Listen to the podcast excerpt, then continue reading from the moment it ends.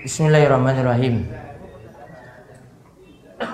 Alhamdulillahi rabbil alamin.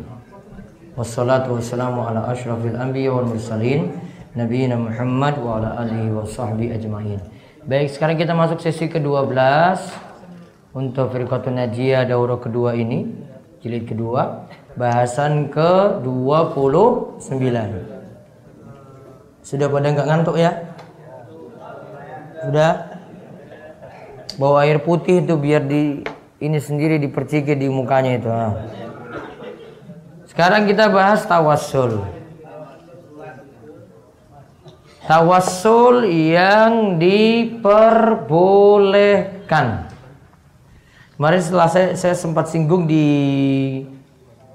ini ya tablik akbar ya, ada tawassul, istilah tawassul. Kita lihat dulu pengertiannya di bawah. Tawassul ialah menjadikan para nabi, orang-orang solih atau lainnya sebagai perantara dalam berdoa kepada Allah. Allah berfirman, Wahai orang-orang beriman, bertakwalah kepada Allah dan carilah perantara yang bisa mendekatkan diri kepadanya. Quran Surat Al-Maidah ayat 35 Qatadah berkata, maksud ayat di atas, dekatkanlah dirimu kepada Allah dengan melakukan ketaatan dan amal-amal yang diridhoinya. Tawasul yang diperbolehkan adalah tawasul sebagaimana yang diperintahkan oleh Allah, diteladankan oleh Rasulullah Shallallahu Alaihi Wasallam dan dipraktekkan oleh para sahabat Nabi Shallallahu Alaihi Wasallam. Tawasul yang diperbolehkan di antaranya ialah Nah, lihat. Kita lihat dulu ayatnya Al-Maidah ayat 35. Ya ayyuhalladzina amanu taqullaha wabtagu ilaihil wasilah. Wahai orang-orang yang beriman bertakwalah kepada Allah dan carilah perantara yang bisa mendekatkan diri kalian kepada Allah. Cari perantara. Perantara di sini digaris bawahi itulah yang dimaksudkan dengan tawassul. Carilah perantara. Maksudnya adalah dilakukanlah tawassul.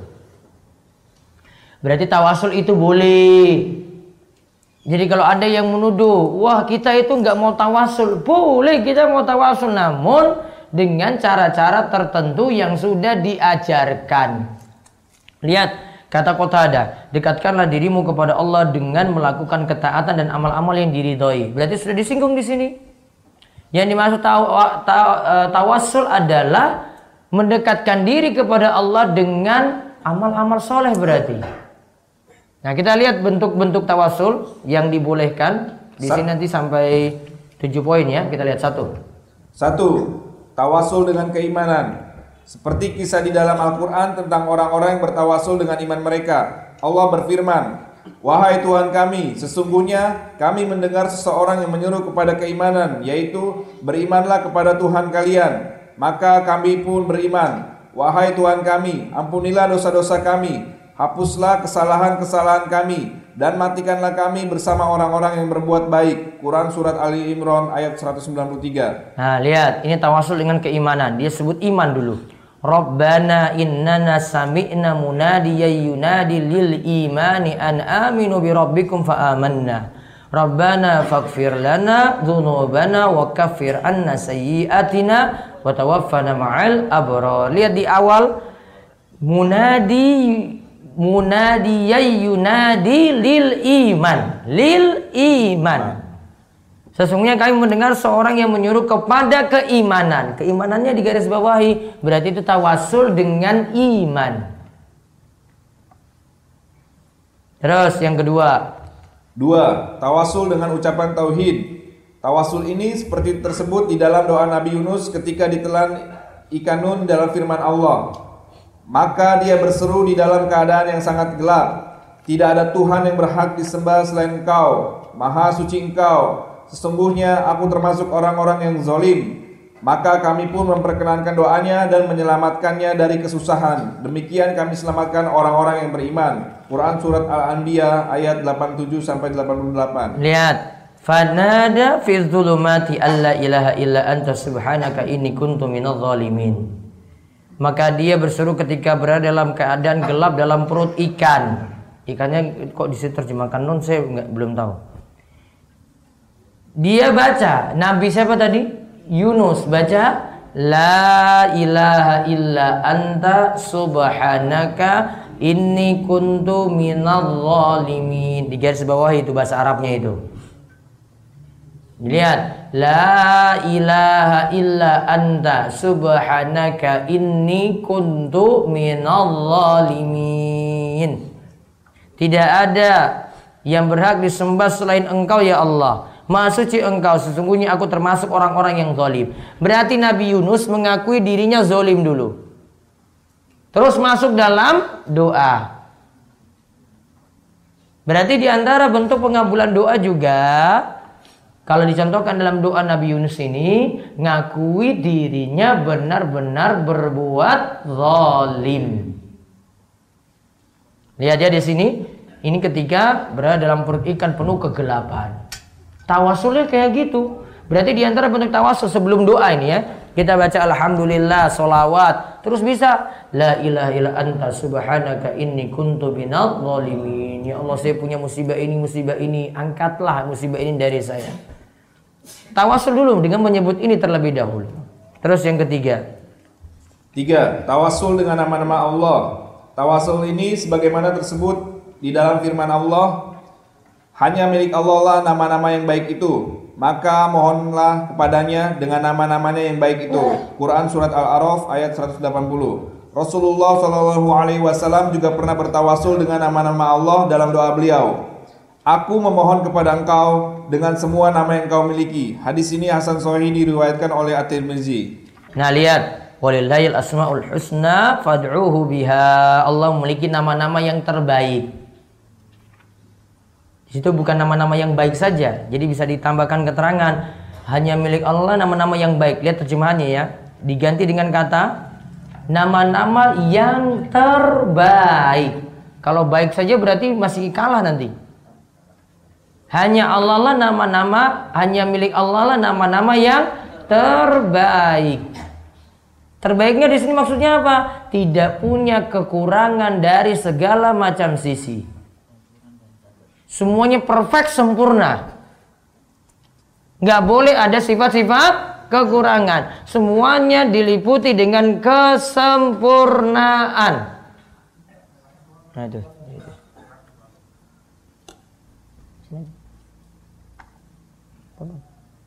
Ya,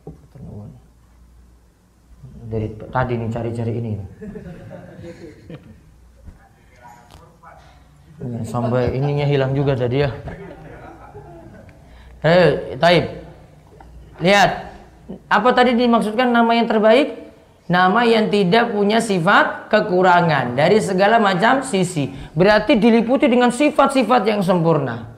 Terkandung sifat-sifat yang sempurna. Enggak boleh ada kurang sama sekali. Contoh misalnya kita bahas nama Allah Al-Alim. Apa Al-Alim? Apa Al-Alim? Berilmu maha mengetahui. Maka sifat Allah yang maha mengetahui ini tahu segalanya. Yang lalu, yang saat ini, yang akan datang. Maka ilmu Allah itu meliputi itu semuanya.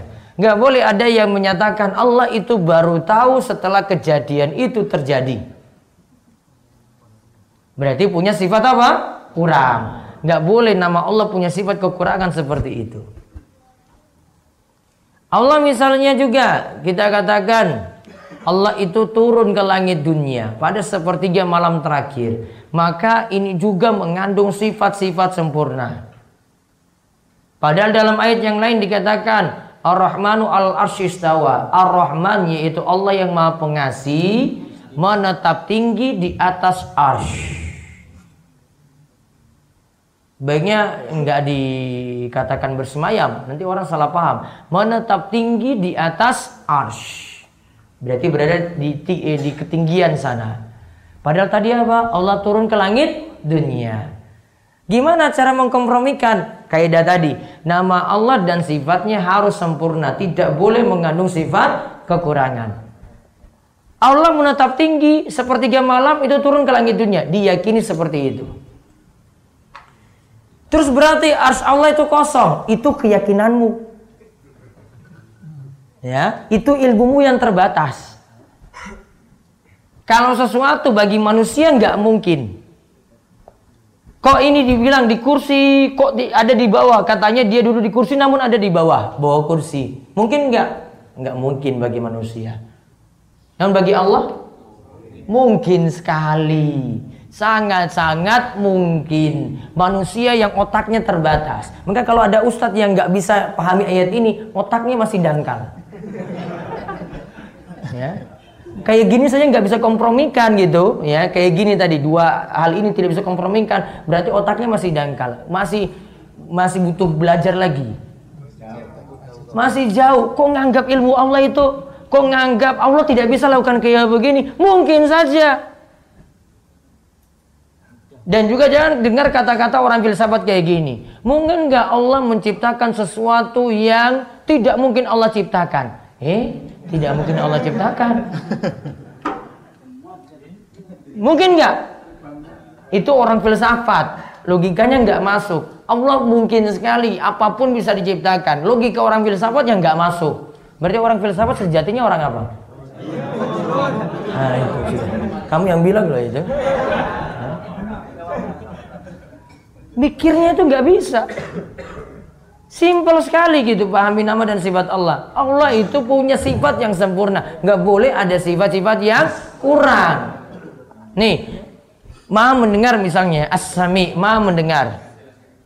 Allah punya sifat maha mendengar kan? Nah, kalau kita itu dengar satu waktu, satu waktu, ini macam-macam ini. Teriak ini, ada 10 orang di depan kita. Bahasanya macam-macam. Mungkin nggak kita dengar satu waktu? Mungkin nggak didengar semuanya satu waktu? Kenapa nggak mungkin? Terbatas. Bagi Allah bagaimana? Mungkin nggak dengarnya 10 orang ter, ini berdoa langsung, ya Allah ini kabulkan permintaan saya. Ya ini ya Allah kabulkanlah permintaan saya. Mungkin nggak bagi Allah? Mungkin sekali. Bagi manusia nggak mungkin. Gitu. Manusia itu sifatnya terbatas. Allah harus dengan sifat yang sempurna. Maka kompromikan ayat tadi itu Allah tetap tinggi di atas sana dengan Allah turun ke langit dunia gampang. Pahami sederhana saja, kembalikan ke kaidah ini. Walillahil asmaul husna. Allah punya nama yang sempurna. Berarti nggak boleh ada sifat kurang.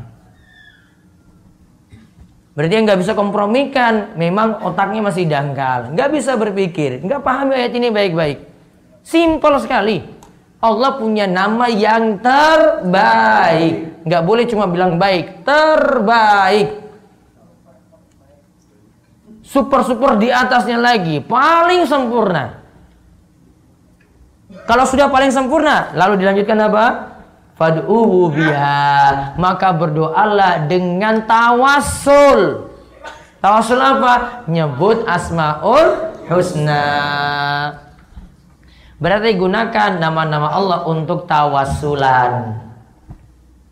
Contohnya apa? Tadi ya hayyu ya qayyum bi rahmatika astaghits wa aslih li sya'ni kullahu wa la takilni ila nafsi abadan.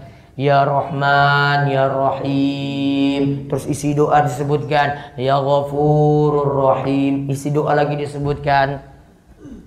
Gitu. Panggil Allah dengan nyebut Asmaul Husna, terus berdoa. Jangan cuma panggil-panggil saja, namun nggak ada doa di situ. Ya Rahman, Ya Rahman, Ya Rahman, Ya Rahman, Ya Rahman, Ya Rahman, Ya Rahman, Ya Rahman, Ya Rahman seribu kali. Ada doanya enggak? Enggak, saya Ya Rahman, Ya Rahman, Ya Rahman, Ya Rahman, Ya Rahman, Ya Rahman, Ya Rahman, Ya Rahman seribu kali. Atau ya latif ya latif ya latif ya latif ya latif ya latif ya latif ya latif ya latif ya latif. Sudah mau terbang-terbang nih ya latif ya latif ya latif ya latif ya latif. Sufi. Apa ini? Sufi. Sufi. Asmaul Husna itu gunakan untuk doa. Ya kudus, ya kudus, ya kudus, ya kudus. Mana doanya?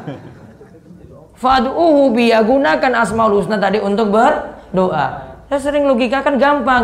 Masa kamu panggil orang itu, eh Mas Bakso, Mas Bakso, Mas Bakso, Mas Bakso, Mas Bakso, Mas Bakso, Mas Bakso. Mas Bakso kan balik. Ada apa Pak? Enggak, Mas Bakso, Mas Bakso, Mas Bakso. Pasti dia apa ketika dia balik? Ada apa Mas? Ya kan? Oh iya saya pesan bakso. Dua ya. Itu kan? Ada permintaan kan? Itu saja pakai permintaan loh. Cuma cuma panggil aja, Mas Bakso, Mas Bakso, Mas Bakso, Mas Bakso, coba. Terus dia balik, ada Mas, enggak, saya cuma panggil saja. Emosi enggak tadi tukang bakso? Wah, Mau beli enggak? Jadi kalau Allah sudah perintahkan Allah punya nama terbaik, gunakan untuk doa loh. Nah, cuma ya Rahman, ya Rahman, ya Rahman, ya Rahman, ya Kudus, ya Kudus, ya Kudus, ya Salam, ya Salam, ya Salam, ya Salam. Pernah nggak dengar kayak begini? Ada nggak buku kayak gini itu? Sebutkan asmal huna sekian kali, kamu nanti gini, gini, gini, gini. Ada nggak? Ya rosak, ya rosak, ya rosak, ya rosak, ya rosak, rosak. Ada kan? Sia-sia berarti.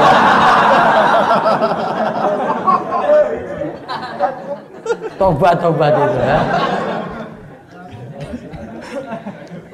Itu kayak tadi logikanya loh itu. Logikanya masuk kan? Ya. Gunakan untuk doa. Jadi kalau minta rizki ya sudah. Ya Rozak, ya Allah yang maha pemberi rizki. Berikanlah rizki, kelancaran rizki untuk usaha saya gitu. Sudah itu sudah tawasul itu. Gue baca sampai seribu kali, sepuluh ribu kali coba kayak gitu saja. Makanya tadi kan saya bilang bisa terbang-terbang itu. Ya geleng-geleng kan? Wah tuh bisa naik nanti terbang-terbang gitu. Sufi kayak gitu? Fly dia itu. Kayak sakau kayak orang yang konsumsi narkoba. Terbang-terbang gitu. La ilaha illallah, la ilaha illallah, ha ha ha ha ha ha ha. Ada hu hu hu hu. Sia-sia. Itulah kenapa kalau zikir sudah berlebihan pasti nanti ujung-ujungnya ada suatu amalan yang tidak ada tuntunan coba. Coba kalau zikirnya cuma la ilallah 100 coba, nggak akan kayak gitu kan? Iya kan? Tetap biasa dia la ilaha illallah. Apalagi dia cuma liri saja la ilaha illallah, la ilaha illallah, la ilaha illallah. Coba kalau 10 ribu coba. Apa ujung-ujungnya? Dipotong kan? Illallah, illallah, illallah, illallah. Ha ha ha ha. Ya kan? Ya. Karena sudah nggak bisa. Standarnya 100 berarti. Ya kan standarnya itu. Nabi tetapkan standar, kita kalau ikuti standar pasti nggak macam-macam loh gerakannya tadi. Sudah normal itu. Coba kamu baca 100 kalau ya Allah. Normal nggak? Masih normal. Namun coba kalau 10 ribu coba. Sudah goyang-goyangnya itu luar biasa itu. Ilallah nanti ke kiri apa ke kanan? Ilallah. Gimana? Ada yang kiri ya? Ada yang pakai gaya kan tetapkan lagi ke kiri lagi. Bid'ah lagi, tambah lagi. Macam-macam. Biasa. Lihat lagi. As'aluka bikulis min huwalak. Aku meminta kepadamu dengan nama-namamu yang sempurna. Samaita bihi nafsak yang engkau namakan untuk dirimu sendiri samaita bi nafsan. Wa alam alam tahu fi kitabik. Atau yang engkau ajarkan pada kitabmu. Berarti ada nama Allah dalam Al-Qur'an. Namun apakah harus 99 tidak. Ya tidak dibatasi 99 berdasarkan ijma kesepakatan para ulama. Nama Allah tidak 99 saja. Apa dalilnya? Ijma. Seperti dikatakan oleh Imam Nawawi dalam Syarah Sahih Muslim Sepakat ulama nama Allah tidak dibatasi 99. Ingat kata ijma itu ya, sepakat. Berarti yang ada di mushaf di bagian belakangnya, depannya itu di covernya ya. Ada enggak Asmaul Husna ada kan? Itu tidak menunjukkan pembatasan. Di antara alasannya apa lagi? Orang masukkan, para ulama memasukkan 99 nama ini, tentukan nama ini masuk 99 pun itu berselisih pendapat. Ada yang memasukkan itu, ada yang enggak. Itu enggak satu pendapat. Maka bukan ketetapan yang pasti seperti itu. Dan juga disarankan nggak mesti mau mengawali majelis itu harus baca Asmaul Husna. Sering beberapa majelis selain baca Al-Fatihah itu Asmaul Husna dulu. Ya, baca itu yang Asmaul Husna yang di belakang itu sambil seperti dinyanyikan gitu. Enggak perlu. Kuncinya dari 99 itu orang itu tahu, orang itu hafalkan, Poin pentingnya lagi renungkan makna-maknanya yang ada. Renungkan makna-maknanya yang ada. Coba kalau cuma baca aja coba. Sama dengan la ilallah tadi kan? Coba kalau cuma baca saja, apa manfaatnya? Setelah dia baca la ilallah, dia buat syirik coba. Gimana? Manfaatnya apa? Setelah dia baca la ilallah, langsung berikan sajen kepada selain Allah. Mungkin enggak? Mungkin saja. Dia awali dulu dengan tahlil dulu coba. La ilallah, la ilallah, la ilallah. Terus berikan tumbal pada selain Allah. Manfaatnya apa coba la ilallahnya kalau gitu? Gak manfaat. Fungsi utamanya itu diamalkan itu, dipahami. Ya, dipahami terus nanti diamalkan. Yang berikutnya lagi, yang keempat. Empat, tawasul dengan sifat-sifat Allah. Tawasul ini sebagaimana dilakukan oleh Rasulullah Shallallahu Alaihi Wasallam dalam doa beliau. Wahai zat yang hidup kekal lagi terus-menerus mengurus makhluknya. Dengan rahmatmu aku mohon pertolongan. Hadis ini Hasan diriwayatkan oleh At-Tirmizi. Nah ini yang kita sebut kemarin ketika tablik akbar doa ketika dirundung duka sangat-sangat sedih baca ya hayy ya qayyum bi rahmatika astaghis wa aslih li sya'ni kullahu wa la takilni ila nafsi tarfata ainin abada. Ada juga yang dengan sifat yang paling bagus dengan sifat itu A'udzu bikalimatillahi tammati min syarri ma khalaq. Aku minta perlindungan dengan kalimat Allah yang sempurna. Kalimat Allah yang sempurna itu sifat Allah.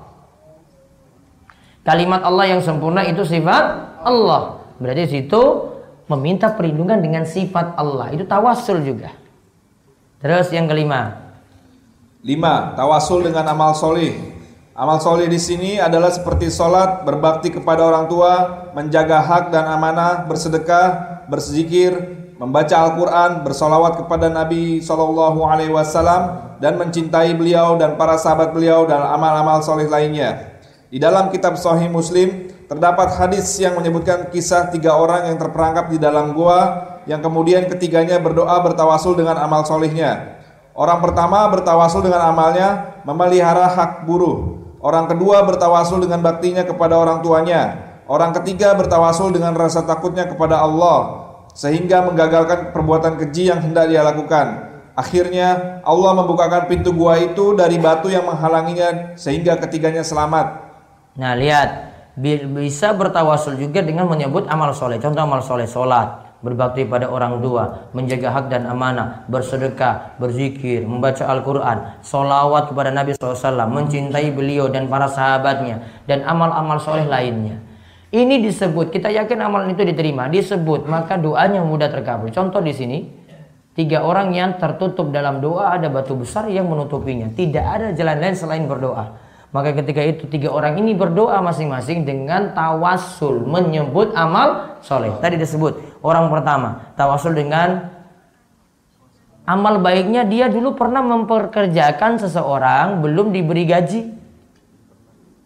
Terus gaji ini dikembangkan oleh dia ketika orang yang kerja tadi minta lagi gajinya setelah beberapa waktu datang lagi mana gaji saya Pak bos mana gaji saya bosnya itu sudah katakan ini saya sudah investasikan jadi ternak-ternak seperti ini. Kalau kamu ambil, ambil aja semuanya.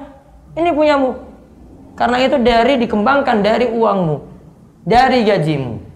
Maka dia berdoa pada Allah, ya Allah kalau ini memang amal soleh, bukakanlah pintu gua ini. Terus yang kedua, Oh, yang kedua adalah orang yang berbakti pada orang tuanya. Setiap malamnya dia biasanya memberikan susu kepada bapak ibunya sebelum istri, sebelum budaknya, sebelum anak-anaknya. Maka suatu saat dia telat pulang, orang tuanya sudah tidur, dia sudah siapkan susu. Karena memang kebiasaannya seperti itu, dia tunggu sampai orang tuanya bangun, baru dia serahkan susu tadi. Pak Bu, ini susu untuk kamu. Padahal sudah tidur dari malam sampai subuh. Maka dia berdoa pada Allah, ya Allah jika ini amalan yang baik, bukakanlah pintu gua ini. Berarti dengan amal soleh juga berbakti pada orang tua. Yang ketiga, dia bertawasul dengan dengan karena meninggalkan perbuatan zina dengan dia mau berzina dengan sepupunya sendiri. Sepupu mahram atau bukan? Bukan mahram. Berarti dia berzina dengan sepupunya sendiri. Dia naksir dengan sepupunya itu, namun cintanya ditolak. Suatu waktu sepupunya ini butuh uang, dia mau beri uang tadi, namun dengan catatan saya harus menggaulimu. Ketika ingin menggaulinya, lantas perempuan ini katakan, ini cincin ini bisa terbuka dengan halal kalau dengan jalan pernikahan. Maka dia tinggalkan perempuan tadi, dia tinggalkan uangnya, lantas dia ingat amalan ini dalam gua tadi, ya Allah jika ini amal soleh, saya tinggalkan zina karenamu, maka bukakanlah pintu gua ini. Tiga orang tadi setelah berdoa, masing-masing dengan tawasulnya, pintu gua tersebut akhirnya terbuka. Itu bertawasul dengan amal soleh. Apakah amal solehnya jadi tidak diterima sisi Allah karena dia sebut-sebut di dunia? Enggak kan ini cuma rahasia dia dengan Allah. Ya kan? Dia enggak pamerkan di hadapan orang lain, namun cuma dengan Allah saja. Jadi tidak masalah. Terus yang keenam. 6. Tawasul dengan meninggalkan perilaku dosa. Misalnya bertawasul dengan meninggalkan minum minuman keras, berzina dan perbuatan-perbuatan lain yang diharamkan. Salah satu dari ketiga orang yang terperangkap di dalam goa sebagaimana tersebut di atas juga bertawasul dengan meninggalkan perilaku dosa, yaitu tidak jadi melakukan zina. Adapun yang sering dilakukan oleh umat Islam dewasa ini adalah tidak mau bertawasul dengan amal soleh mereka, tetapi malah bertawasul dengan amal soleh orang yang sudah meninggal. Jadi tawasul yang mereka lakukan tidak sesuai dengan yang dituturkan oleh Islam. Padahal dia punya amal soleh sendiri, dia gak pakai amal solehnya, namun dengan amal soleh yang dimiliki oleh kiainya, oleh orang soleh. Keliru di situ. Harusnya dia sebutkan amal solehnya sendiri. Terus yang terakhir yang ketujuh. Tujuh, tawasul dengan minta didoakan oleh para nabi dan orang-orang soleh yang masih hidup. Tersebutlah dalam sebuah hadis, ada seorang buta datang kepada Nabi Shallallahu Alaihi Wasallam, lalu dia berkata, Wahai Rasulullah, berdoalah kepada Allah agar Dia menyembuhkan mataku. Rasulullah Shallallahu Alaihi Wasallam menjawab, Jika engkau mau, akan aku doakan engkau. Akan tetapi jika kamu bersabar saja terhadap penyakitmu adalah lebih baik bagi engkau. Tetapi dia tetap berkata, doakanlah saja. Lalu Rasulullah Shallallahu Alaihi Wasallam pun menyuruh dia berwudu secara sempurna, lalu sholat dua rakaat, kemudian menyuruh berdoa. Wahai Allah, sesungguhnya aku memohon kepadamu, aku hadapkan wajahku kepadamu dengan perantara nabimu, seorang nabi yang membawa rahmat. Wahai Muhammad, Sesungguhnya aku menghadapkan wajah kepada Tuhanku dengan perantaran engkau agar dia berkenan memenuhi hajatku ini. Wahai Allah, jadikanlah dia sebagai pemberi syafaat bagiku dan berilah aku syafaat lewat dia. Lalu orang itu pun melakukan apa yang dinasihatkan oleh Nabi Shallallahu Alaihi Wasallam hingga akhirnya sembuh. Hadis Sahih diriwayatkan oleh Ahmad. Hadis di atas menunjukkan bahwa Rasulullah Shallallahu Alaihi Wasallam berdoa untuk laki-laki yang buta tersebut dalam keadaan beliau masih hidup. Lalu Allah pun mengabulkan doa beliau. Dan Rasulullah Shallallahu Alaihi Wasallam juga memerintahkan orang tersebut berdoa untuk dirinya, menghadapkan wajahnya kepada Allah dengan doa nabinya. Lalu Allah pun mengabulkan doanya. Doa di atas adalah khusus ketika Nabi Shallallahu Alaihi Wasallam masih hidup. Tidak boleh diucapkan setelah beliau meninggal, sebab para sahabat tidak melakukannya. Juga setelah peristiwa tersebut tidak ada orang buta lainnya yang minta didoakan oleh Nabi Shallallahu Alaihi Wasallam seperti itu. Nah diberi catatan nomor tujuh tawasul dengan minta didoakan oleh para nabi dan orang soleh yang masih hidup. Lihat di catatan terakhir. Doa di atas adalah khusus ketika Nabi Shallallahu Alaihi Wasallam masih hidup, bukan telah meninggal dunia. Maka lihat isi doanya. Ini kan ada orang buta, pingin disembuhkan. Dia minta pada Nabi SAW, doakanlah, mintalah pada Allah supaya in, ya, penyakit saya disembuhkan. Buta saya ini jadi sembuh. Maka dia berdoa, Allahumma ini as'aluka wa atawajjahu ilaika binabika nabi rahmah. Ya Muhammad, ini tawajjahtu bika ila rabbi fi hajati. Hadhi li tughlali. Allahumma fasyafihu fiyya wa syafi'ni fihi. Wahai Allah, sesungguhnya aku memohon kepadamu Aku hadapkan wajahku kepadamu dengan perantaraan nabimu, seorang nabi yang membawa rahmat. Wahai Muhammad, sesungguhnya aku menghadapkan wajah kepada Tuhanku dengan perantaraan engkau. Berarti dengan perantaraan engkau siapa? Nabi. Agar Allah berkenan memenuhi hajatku. Wahai Allah, jadikanlah dia sebagai pemberi syafaat bagiku. Namun Nabi masih hidup. Dan berilah aku syafaat lewat dia. Nabi juga masih hidup. Berarti catatannya catatannya di situ minta doa pada orang soleh yang masih hidup. Wallahu alam bisawab itu yang dibahas tujuh hal bisa digunakan untuk tawasul. Berarti ada tawasul yang boleh, nanti ada tawasul yang terlarang. Yang boleh ada tujuh, tawasul dengan keimanan. Yang kedua, tawasul dengan ucapan tauhid. Yang ketiga, tawasul dengan nama-nama Allah. Yang keempat, tawasul dengan sifat-sifat Allah. Yang kelima, tawasul dengan amal soleh. Yang keenam, tawasul dengan meninggalkan perbuatan dosa. Termasuk juga ini misalnya dulu senang musik-musikan, dulu mabuk-mabukan, dulu judi. Sudah tinggalkan karena Allah. Nyebut amal tadi. Ya Allah saya tinggalkan ini semua ini karenamu ya Allah. Lepaskanlah saya dari musibah-musibahku saat ini. Gitu. Tujuh, tawasul dengan minta didoakan oleh para nabi dan orang soleh dengan catatan apa? Masih hidup. Wallahu a'lam bishawab. Nanti lanjut lagi jam 9 ya. Saya jawab dulu pertanyaan.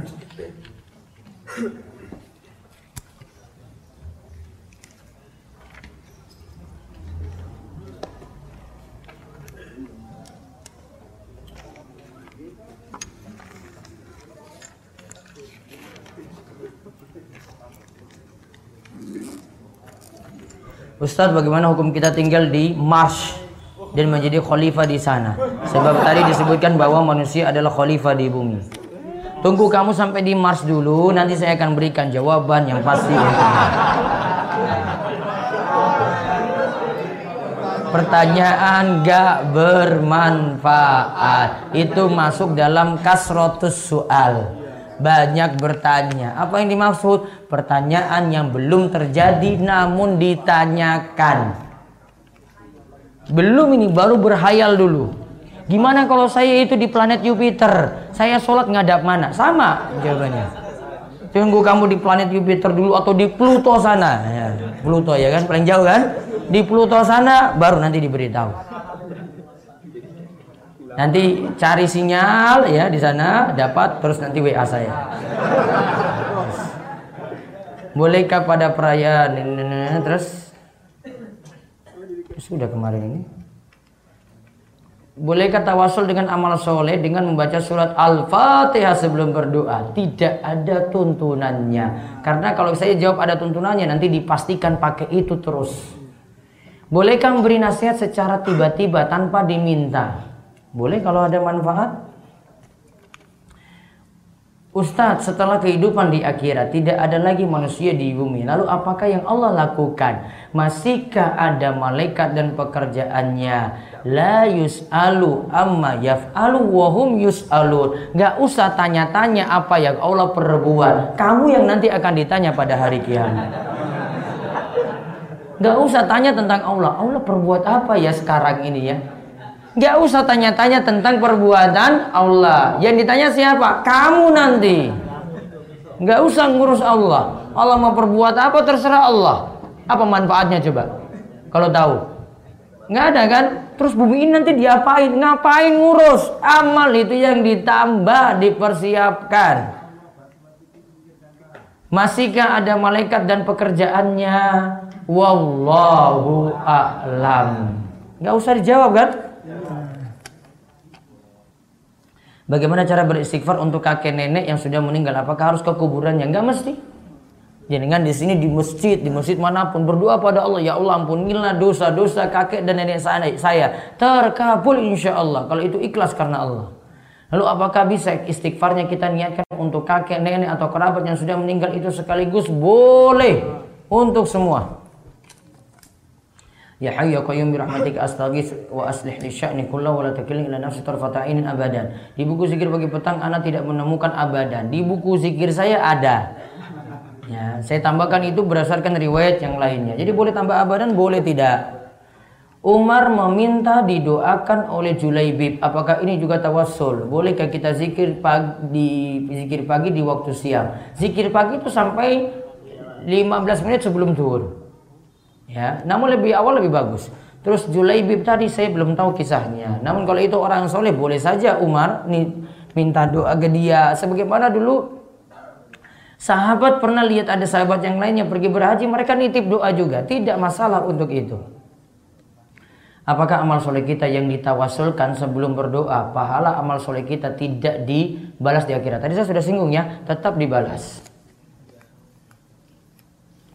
Saya pernah mendengar dalam kajian kita dilarang membaca potongan doa dari Al-Quran yang diawali Robbana. Akan tapi lapat itu diganti Allahumma. Benarkah demikian? Dalam Al-Quran ada yang pakai Robbana. Dalam hadis Nabi ganti Allahumma. Boleh. Saya kayaknya tahu ini Ustadz yang ngomong ini ngawur kayak begini. Kadang berpendapat enggak apa enggak pakai ini cuma asal ngomong saja. Enggak mikir-mikir dulu. Seolah-olah jadi benar itu di mata jamaah. Di hadis Nabi sebut dengan Allahumma, di dalam Al-Quran pakai Robbana. Diubah dalam hadis dengan Allahumma. Berarti boleh seperti itu. Benarkah Ka'bah itu dilumuri dengan minyak gaharu? Karena ada penceramah di tempat kami menyamakan minyak gaharu dengan membakar kemenyan dalam sebuah hajatan. Berbeda itu bakar ketika hajatan. Ini pakai kayu gaharu. Kayu gaharu itu wangi. Oh, nanti tak bakar nanti ini kayu gaharunya ya. Beda lah. Kalau kemenyan itu dibakar punya hajatan tertentu loh, maksud tertentu kan? Ini cuma bakar untuk mewangikan baju. Beda nggak? Oh, beda sekali.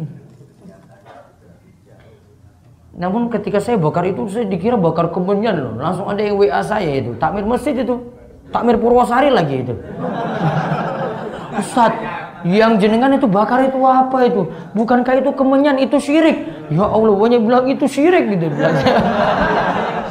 Pak, ini kayu garu saking Arab. Oh gitu, Bapak mau tak kasih nanti. Sampai bilang kayak gitu loh. Orang Purwosari itu loh Pak Parjo. Doakan saya segera menikah sehingga di daurah selanjutnya saya bisa mengajak istri ya Allah terharu saya ini. Kayaknya sudah sudah tingkatan akut ini, ini parah sekali. Kasihan ya Pak ya. Aduh. Bolehkah kita berdoa untuk fulana agar istiqomah dalam mahnat salam dan berdoa agar agar dia menjadi istri kita?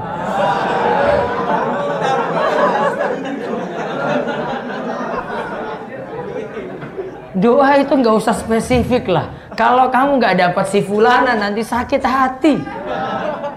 Sama seperti kita kalau berdoa minta motor ya minta kendaraan saja yang menyenangkan gitu. Gak usah spesifikkan. Ya Allah saya minta motor pokoknya merek ini ya Allah warna hitam ya Allah. Kalau nggak diberi ini saya nggak mau ya Allah. Nggak usah. Nggak usah diperinci. Minta saja yang terbaik. Kalau nggak dapat gimana coba? Kaidahnya gini loh mas-mas. Kayaknya dalam masalah cinta itu jangan cintanya itu kebangetan. Kalau nggak dapat nanti apa? Sakit hati. Jangan juga bencinya juga kebangetan karena yang benci nanti bisa jadi cinta. Itu bisa jadi istrimu nantinya. Bagaimana tanggapan Ustadz tentang Ustadz gaul? Ya sudahlah, nggak usah bahas. Capek Ustadz kayak begitu dibahas. Setiap hari Jumat, sholat Jumatan, setelah sholat tahiyatul masjid biasanya salaman sama kanan kirinya. Apakah itu ada tuntunannya? Enggak perlu. Kalau ini mau dengarkan khutbah, segera dengarkan khutbah. Berbicara saat wudhu, apakah bisa membatalkan wudhu? Bisa membatalkan jika ngobrol-ngobrol-ngobrol-ngobrol 10 menit. Ini tangan ini sudah kering ini, ini. Yang ngobrol ini. Dia basuh ya. Terus ngobrol, oh iya gimana pak, gimana, gimana. Dia lanjut lagi ke kepala ada jeda itu namanya tidak tawali. Tawali itu apa maksudnya? Tidak ada jeda di antara anggota wudhu. Jangan sampai satu bagian itu sudah kering, lanjut terus. Kalau ini tidak terpenuhi, sebagian ulama katakan tidak sah. Adik ipar laki-laki saya, setiap saya ajak kajian sunnah selalu tidur saat kajian. Oh, bukan adik iparmu saja. Sepertinya dia mau ikut karena terpaksa. Mohon solusinya. Bukan adik iparmu saya yang tidur saat kajian. Yang sudah ngaji pun juga sama. Tersindir. Ya Alhamdulillah. Solusinya gimana coba? Diajak terus saja. Awalnya memang dari keterpaksaan. Dulu para ulama itu belajar itu awalnya diawali dengan ketidakikhlasan Lama-lama dia itu punya ilmu, ilmu ini yang bimbing dia supaya ikhlas. Siapa yang bimbing dia supaya ikhlas? Ilmu ini yang bimbing dia supaya ikhlas. Berarti belajar terus walaupun ngantuk. Ah, ngantuk terus nanti belajar terus nanti akan sadar sendiri. Paham? Namun nggak tidur terus. Bolehkah adik ipar menikah dengan adik saya? Boleh. Apa hukumnya jika menggantungkan foto presiden di ruangan kelas? Oh, rasa dibahas. Kena masalah kalau saya jawab. Apa kata wasul dengan Asmaul Husna ada batasan jumlah? Enggak, enggak pakai batasan ya. Bebas. Bagaimana membedakan antara nama dan sifat? Nama itu lebih lebih khusus, lebih spesial dibandingkan sifat. Sifat Allah itu diambil dari nama. Nama Allah As-Sami, Maha mendengar. Nanti sifatnya apa? Allah itu mendengar perkataan apa pun. Namun tidak setiap sifat Allah itu jadi nama. Allah menetap tinggi di atas ars atau Allah punya sifat istiwa. Nggak bisa namanya jadi Allah itu istiwa tidak. Ya, tidak bisa. Jadi ada pembahasan seperti ini. Saya pahamkan agak sulit ini. Apa bedanya asma dengan sifat sama seperti tadi ya? Masih kesulitan memahaminya. Lah, kalau pelajari terus nanti akan jadi paham. Terkait asma wa sifat, apakah bid'ah asy'ariyah muncul dari hal ini? Iya, Asy'ariyah itu punya punya sifat di antaranya ciri-cirinya adalah menolak sifat-sifat Allah atau mentakwil sifat-sifat Allah. Seperti nanti zaman ini paling mudah sekali. Antum lihat di YouTube saja kalau sudah ada ustadz yang berbicara, tidak boleh itu jawab Allah itu ada di mana. Atau Allah ada di mana? Mana? Allah ada di dalam hati. Atau dia nggak mau jawab itu. Serahkan saja pada Allah. Nah itu sifat Asy'ariyah kayak gitu. Nggak gentle dia. Ya. Sifat Asy'ariyah kayak begitu. Boleh nggak berguru pada orang seperti itu? Nggak boleh, kecuali keterpaksaan. Nggak ada guru lain. Kalau ada guru lain, cari guru lain yang lebih selamat. Apakah ada zikir setelah sholat sunnah? Tidak ada zikir khusus setelah qobliyah ataupun ba'diyah. Pas jam 7 waktunya sarapan. Baik, kita cukupkan dulu Ji. Lanjut lagi jam jam berapa? 9. Istirahat, mandi ya untuk persiapan. Kita tutup dulu. Subhanakallahumma bihamdika, syadu alla ilaha illa anta astaghfiruka wa atubu. Assalamualaikum warahmatullahi wabarakatuh.